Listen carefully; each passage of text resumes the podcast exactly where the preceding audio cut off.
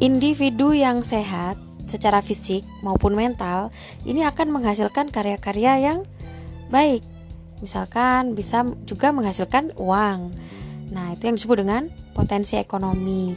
Tapi individu yang sakit, sakit itu bisa karena kelebihan gizi atau kekurangan gizi, sehingga itu tidak memungkinkannya untuk beraktivitas dengan baik karena bisa jadi karena lemah, letih atau sakit-sakitan. Nah, hal ini tentu akan kembali lagi kira-kira apa yang dia makan sehingga atau apa yang tidak tercukupi dari tubuhnya. Nah, kalau dari sisi mental tentu berbeda ya, karena ini akan ditunjang oleh masalah psikologis.